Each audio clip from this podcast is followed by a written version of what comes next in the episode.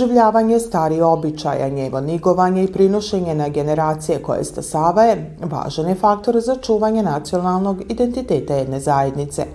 Med običajima koji se mogu svrstati u tu grupu je i priskakanje vatre na svetog Ivana Cvitnjaka, kojeg više od deset godina niguje Udruženje građana Bunjevačka vila iz Male Bosne. Ovaj običaj nalazi se u sklopu programa Dana Dužijance – Naime, priskakanje vatre vuča koren iz paganskih vremena, a virovanje da ona štiti od zala veziva se i za skidanje litine. Na taj način, viruje se, zaštitit će se i rod od udara groma, ali čeljad koja rade risi vršidbu.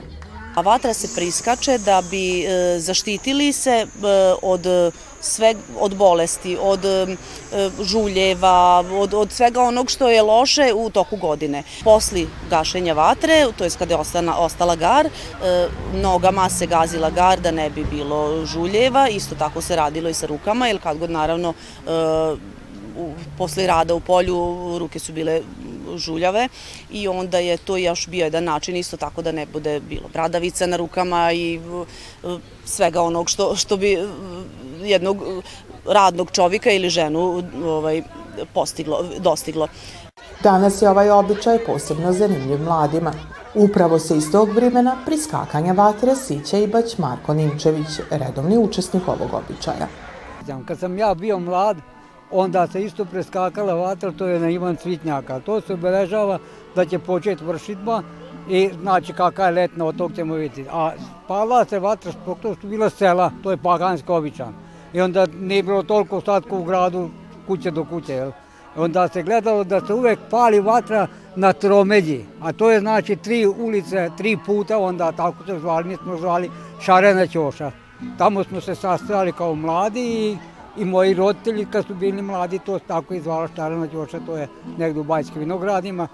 I onda se pala vatra na sredini i onda ako su momci bili dalje, onda su dolazi da vide ovde kakve su ovde devojke i dok upozne ako je bilo nešto bilo, ako nije bilo, bilo je kolo obavezno ili kolo Vranjanka, sve zavisi kako je zvao, znači tu se družno omlad i mladi. O priskakanju vatre uči se i u školama na predmetu bunjevački jezik s elementima nacionalne kulture, a godinama unatrag i učenici uzimaju učešće u obilužavanju običaja. Jako se radujemo, ja i moja drugarica, samo ona sad ne može tu da bude, ali jako volimo da budemo nošćama i da preskačemo vatru i naše društvo i škola isto dolazi ovde. Članovi Kulturno-umetničkog društva Aleksandrovo i Kulturno-umetničkog društva Železničara Bratstvo i ovog puta su običaj upotpunili svojim prisustvom u nošnji. Opleteni su i vinci od ivanskog cvića, za koje je također vezana određena simbolika. Vinac e, od e, poljskog cvića s kojim se priskakala vatra, kačio na, na kuću na salaš. E, vinac se čak koristio i za način e, pokazivanja cure prema momku s kojim želi da igra, znači vinac je skinila i pridala ga, e, dala ga momku.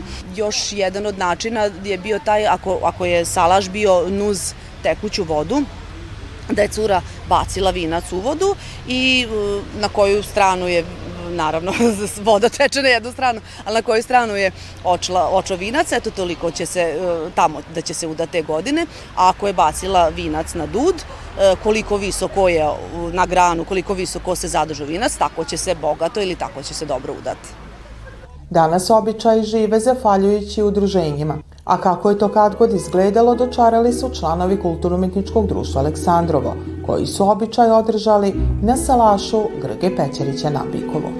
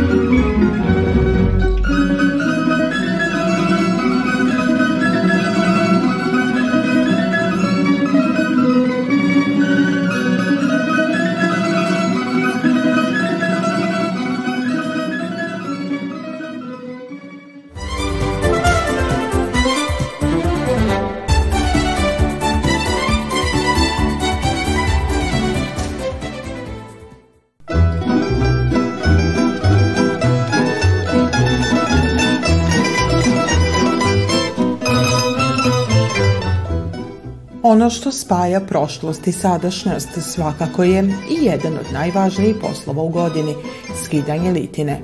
Zato i ne čudi što se iznova čaljad raduju i u isto vrijeme stripe kakva će godina biti.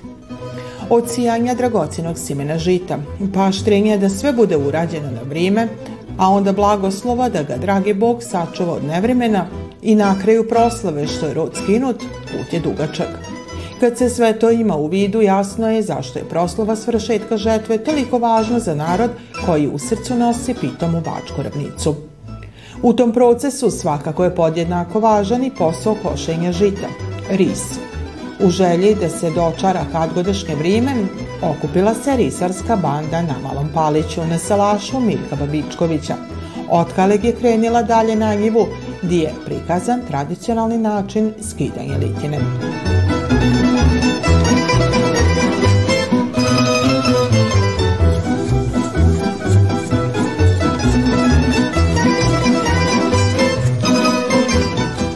Brio julski dan dočaro je i uslove u kojima se kad podkosilo. Tog vremena se iz momačke dana sića i jedan od risara. Idealno vrijeme za košenje žita. Toplo, sunce, to je lako onda suši se i lako se kosi. Prvi ris sam uradio kad sam imao 17. godinu. I otale nadalje uvijek sam tako išao s vremena na vreme dok se eto ponovo nije pojavilo da se može ponovo raditi. Ali svim drago mi, 17 godina sam imao prvi ris sam uradio kao kosac. Kaka su onda bila žita? Pa onda su bila a, ređa, to zvala su domaća žita. To su kao naša sorta bila. Imala isto ovako osi vlat i nije bilo ovako gusto. Ono je bila riđa, lakše je bilo kositi, lakše je bilo savladati, nije bilo ovako polegnuto, jer nije bilo toliko visoka da je, da je se, lakše se kosilo nego ovo je sad stvarno tvrda, jaka žita.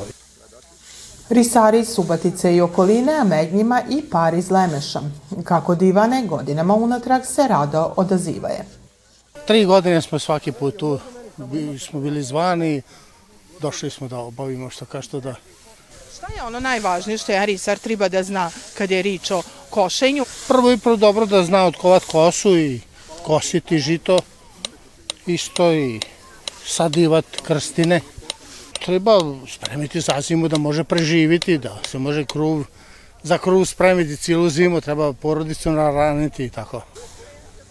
Parcela je pridrisare donijela i pravi test, s obzirom na tom da je zbog nevrimena žito poleglo. Srićan bilo je oni kojima rad u takvim uslovima nije nepoznanica. Onda moraš teret kako leži, tako moraš i za njim, onda je tako lakše i slagat u snoplje i risaruši da skuplja i posle i vezati kad se dio krstine i sve to ima svoj proces. Ti si prvi, onaj kad dođe na mašinu vršaricu, to je zadnji. Onda već šta je tu je. Pridnoj čeljadini jedan posao ne pada teško, a ljubav prema tradiciji još ga više olakša. Par puta sam bila i zavolila sam ovaj posao, nikad ga nisam do sad radila i sviđa mi se, dobar je, ne mi je teško ništa. Treba malo, je li saginjati? Treba se saginjati, treba pokupiti, treba paziti kako slažeš. Tako da nije, nije strašno. Med iskusnim risarima i podmladak. Još jedna potvrda da sve ono što se radi nije zabadavad. Ima tu dosta starih iskusnih, tako da od njih sam dosta toga naučio u poslednjih nekoliko jel, dana. I dalje ima tu dosta da se vežba, dosta je to i zahtevno, ali eto, ko vežba, taj i nauče. Najvažnije jeste jel, sama tehnika, koja ruka vodi, koja ruka vuče kosu i uglavnom što kaže kako to žito posle košenja treba da bude naslonjeno i da bi risaruša lakše mogla da skupi to žito kasnije. Učila sam od starih par dana unazad, ovaj, pokazali su mi kako se to radi i vrlo sam e, stekla neko novo iskustvo. Težak posao košenja i rukovetanja tražio je snagu i izdržljivost risarske parova, za koje bi na njivim bio pripravljen i risarski ručak. Kad se na njivi pokosi jedan deo, onda neki su već uspjeli da i povežu, pa tek onda da ručaju, ili možda jedan deo i da sadiju, da se ruča. Za ručak je trebalo biti kiselne, kruva, slanine, paprike crvene. Nosilo se i soli, znači slanine, kiselne, kruva, to je bila rana koja. E sad kasnije se to još malo dodavalo, ali uglavnom je ovo osnovna rana bila koja je jaka rana da se ljudi naidu i da mogu raditi. I onda na podne kad se završi, onda ako je blizu njiva, onda se ulazilo užinati. Užina je bila kuvana, da li je tarana, da li paprikaš, znači opet je bila jaka rana da bi ljudi izdržali to. I e, koristila se voda naravno. E sad ujutru su muškarci malo popili rakije da bi njim bilo lakše, nije smetalo sunce, to je bilo... E, ali ljudi su radili sa ljubavlju, jeste da je težak, naporan posao bio, čak se koji put i zapivalo, znači ljudi su imali motivacije za taj rad, jer cijela godina je dugačka, trebalo je kruv spremiti. I dok su se slagali zalogaj, tribalo je i dobra zalit koji nadoknadi tečnost posle velikog posla. Nošenje vode bio je posao za najmlađe. Dica su imali posla da nose vode i da bacaju uža. Dobro, je li ti je bilo naporno? Jeste. Zbog čega? U vrućina, je li? Da. I trebalo je nositi kantu vode.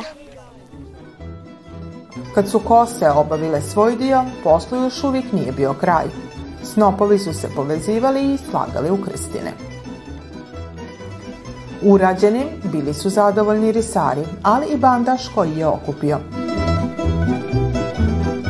Ja sam zadovoljan s risarima, s obzirom koje je to dobro, škada posle onog pravog risa, kad se kad to obavljalo, ide to nama škato, svima škada tu prihvatili smo svi to dosta ozbiljno i zadovoljan sam sa poslom, škada lipo se to uradilo i pokosilo, ha, pokosilo tako kako se moglo, pokosilo, pošto je i pobaljačina i oma tu teže ide i košenje, ali uglavnom dobro je. Po broju krstina i veličini vlata već se na njevi mogu ociniti rod. Rod će biti dobar. Po samom te, te, težini vlata, kad uzmeš snop, on vagne doli škato. To, a to je dobar znak, i onda je zrno dobro škato, ima kvalitet zrno škato i dobar će biti rod. Na sve kako je sve dosad, šta se sve u vremenu prošlo, dobro je škato. Žito znači, je dobro škato, ima kvalitet svoj, obavilo se, on se, e, kad se kosi, on se ranije malo vaća, e, 85% treba da e, je zrio.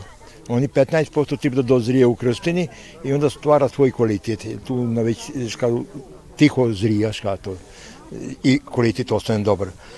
I onda kad je u krstenama on zna stati po negdje dvi dana, skato. Sve to zavisi od vremena, kako vrijeme dozvoljava i onda se to, to e, nosi, krstenje se nosi unutra u avliju, obično to bilo u avlijama guvna, e, to je bilo kao najveća zaštita od požara i šta znam, to blizu voda, bila bliže voda, bila i sve to.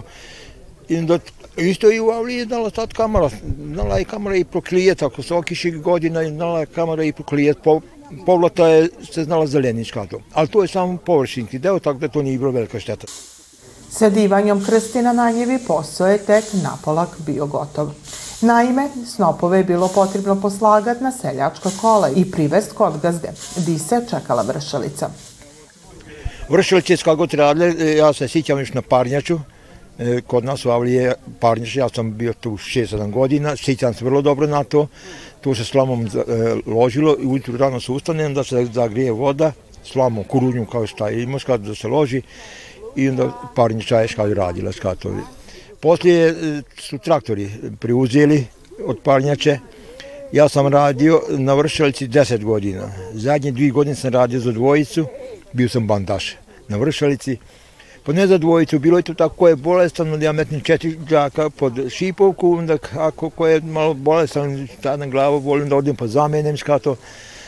Uglavnom, od tri sata, e, pola četiri ujutru, pa do 9-10 sati uveče, bez mene, znači, bio sam skato. I opet kažem, uvijek sam imao vremena da i uskučim kome treba pomoć skato. I onda kad se završi dan, onda se kupi e, vlasnik e, te dvi, dvi godine kad sam bio bandaš, vlasnik je radio za žito. I onda njegov ris ostaje svugdje gdje vršim, to ostaje na uskraj. I kad se završi vršitba, e onda e, snopljari i ja s njima zajedno idemo pokupimo zaradu e, mašiniste škatova. I to se naslo njemu gore na taban. Kad pa se to sve oboje, to je bilo 10 pola 11 uveče. Onda se vraćam natrag gdje je sad vršalica ostala, onda ljudi poligaje za spavanje se spreme, a ja onda unutra kad di nađe meni mista, saberem sve ko je bio pijan, ko je bio bolestan, ko je koga zamenjivo, da bi znao na kraju obračun napraviti ko je šta i koliko zaradio. Kad je posao na njevi bio zgotovljen, risarska banda, pridvođena bandašom, krenula bi natrag od gazde. E sad ovako, mi smo naš posao završili, risaruše, risari, hvala vam na saradnji, zadovoljan sam sa vama kako smo to odradili, vidimo mi nagodno u ovakvom poslu i sad ćemo polako krenuti domaćinu, da mi saopštimo domaćinu šta smo im radili, kako smo radili i kaki je posao bio bio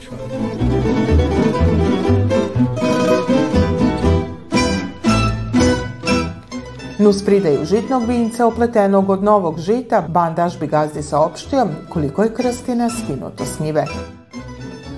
Autohtone sorte koje su se prije 50 i više godina sijale na ovim prostorima davale su daleko manje prinose nek danas.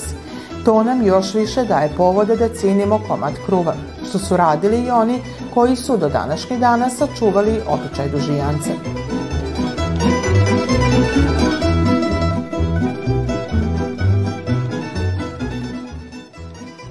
Sad je lako mašina iz komba iziđe u njivu, već je na prikolici, već je u silosu i kod pekara idemo rad kruva. Znači kako je trebalo uzorat, pripremiti njivu, e, posijat, čekat da bude, moliš Boga će biti kiše, a neć. Kako je teško bilo doći do kruva. I ručno se uradio ris i, i, i mislim da bi omladina više e, cenila komad kruva kad bi znala kako se to nekad radilo. Ovogodišnji ris održan je u sklopu programa proslave Dana Dužijance od strane Ustanove kulture Centar za kulturu Bunjevaca, a ova etnomanifestacija koja baštini briden dio tradicije Bunjevaca organizovana je u čast svi oni koji su do godišnjeg roda žita dolazili na taj način. Kad god se jako teško do kruva dolazilo, danas se to sasvim drugačije doživljava i vidi. Sa jedne strane, sa druge strane, e, sa željom da se sačuva sićanje na taj kadgodašnji rad. Mi danas među risarima imamo one koji ne samo da ne pamte ris, nego nikad nisu ni bili, ali tako se to prinosi s kolina na kolino. Dakle, sa željom da se sačuva kultura, da se sačuva sićanje i da nastavimo sve ono što smo kad god radili, da sačuvamo i kroz ovaj segment naš identitet. Da su običaj bunjevaca utkani u svakodnevni život žitelja Subatice, potvrđiva je i gosti na Risu, koji su se i sami oprobali u poslu skidanja litine. Ris je u prošlosti bio jedna od najvažnijih stvari, vrednih i marljivih ljudi sa ovih prostora koji su vezani za ovu zemlju i za ovu plodnu ravnicu. Iako je ih je očekivao naporan rad za koji su se oni uvek dugo pripremali. Oni su sa pesmom odlazili na svojim njivama, radili su s pesme i sa pesmom se vraćali na svoje salaše i ponosno i sa velikom radošću slavili završetak risa jer su znali da su za narednu godinu obezbedili hleb za svoju porodicu. Grad Subotica će uvek podržavati sve manifestacije sve skupove, sve događaje koji baštine tradiciju i kulturu jednog naroda.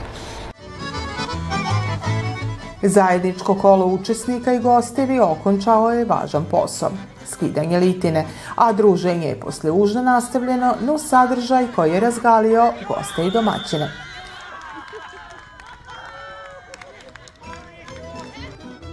Centralna proslava Dana Dužijance u Subatici će i ove godine biti upriličena na Veliku gospojinu 15. augusta, čemu izmed ostalog prithode i Dužijance u Somboru i Čonoplji, ali i radionice na kojima će biti opleteni vinci i perlice odžita koje je pokušeno u sklopu prikaza risa.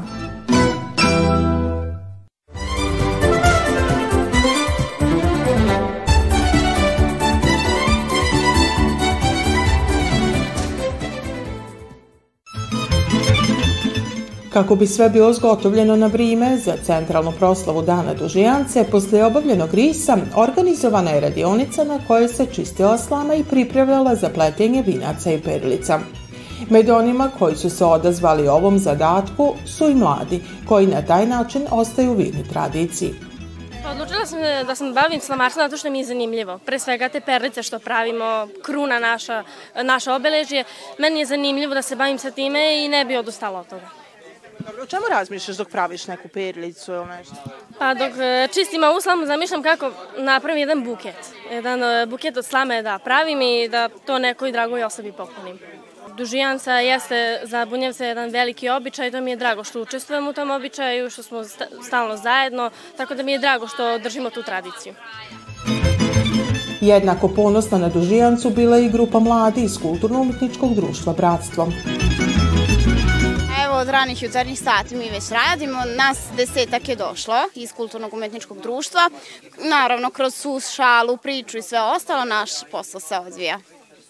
Evo mi je, da kažemo, nešto novo, pretpostavljam da nije, već ste radili ovo, je li? Da, prošle godine smo radili, tako da već sve nam je poznato. Šta za tebe predstavlja Dužijanca? Jedan jako lip običaj, čuvanje tradicije i pokazujemo u stvari šta su ljudi nekad radili, kako je to sve bilo i šta u stvari predstavlja žito i šta je to ono što dobijemo od njega. Nuz mlade i oni stariji koji im prinose svoje znanje, ali u isto vrijeme i uče nove tehnike od naraštaja. Ovo je meni četvrta sezona kako ovo radim sad. E sad ne učim novu vrstu, sam, u ovim godinama učim novu vrstu pletenja, kako ovi mladi, baš mi se sviđa kako oni rade, da su vrlo aktivni i to sad ja probam da vidim da će ja uspjeti to sa sastigni sa njima. Radionica je organizovana od strane Ustanove kulture Centar za kulturu Bunjevaca. Mi smo se krenuli jedno 30 meteri novi vinaca napraviti, da bude za binu. Nosit ćemo to i u Novi Sad i za Beograd, pa da ima da ne zahvali, da bude perlica dosta. Atmosfera je fantastična, ljudi baš onako radosno rade, onda ne može ispast da ne bude dobro. Bila je to još jedna prilika za druženje, ali i sabiranje utisaka posle košenja jer su vridni risari priskočili i ode u pomoć. Pridnji je metnut zadatak koji bašteni tradiciju bunjevaca i koji jednostavniji oblik također predstavlja segment kulturnog nasljeđa. Krenilo se od ovog, išlo se dalje na slike, na razne umjetnosti. Ova sva slama što ostane, sve ćemo mi to posle iskoristiti. Kad prođe duži janca tam podjesen, može se još praviti razni radionice i za dicu u školi i za odrasle koji budu tili. Komentari oni koji su bili zaduženi za čišćenje su da je slama ove godine dobra. Međutim, kako divane oni koji su žito sijali i vrli, ove godine prinosi su neujednačeni, a cina niska.